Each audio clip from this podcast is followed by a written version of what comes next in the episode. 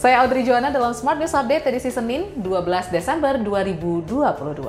Smart listeners, Menteri Pariwisata dan Ekonomi Kreatif Sandiaga Salahuddin Uno menerjunkan tim untuk melakukan promosi dan edukasi kepada wisatawan dan juga pelaku industri pariwisata di negara-negara pasar utama wisatawan mancanegara agar tidak ragu untuk datang berwisata dan berinvestasi di Indonesia. Hal ini setelah DPR mengesahkan rancangan Kitab Undang-Undang Hukum Pidana ataupun RKUHP menjadi undang-undang yang di dalamnya terdapat pasal yang menjadi pertanyaan banyak calon wisatawan, khususnya terkait pasal perzinahan. Di mana Sandiaga mengatakan selain menerjunkan tim ke negara-negara pasar, Sandiaga juga memantau kedatangan wisatawan di beberapa bandara dan juga pintu masuk utama wisatawan yakni Bali dan Jakarta.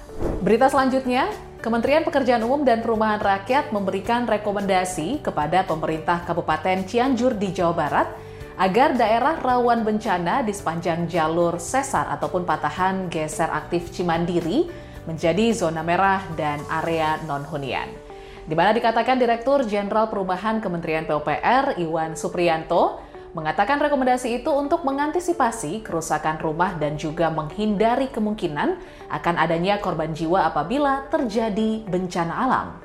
Banyak rumah warga yang mengalami kerusakan mulai dari tingkat rusak ringan, sedang hingga berat, dan hal itu membuat ribuan warga harus meninggalkan tempat tinggalnya dan mengungsi ke daerah yang dirasa aman dan menempati tenda-tenda pengungsian. Berita terakhir, Pemerintah Provinsi Kalimantan Timur menilai keberadaan ibu kota Nusantara membuka peluang bagi para pelaku usaha mikro, kecil, dan menengah di daerah itu berkembang menjadi usaha yang lebih besar dan juga naik kelas.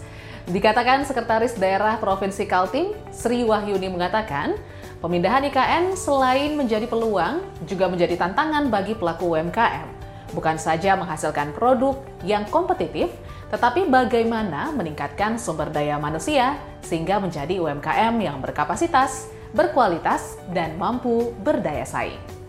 Sekian berita hari ini, sampai jumpa dalam Smart News Update berikutnya.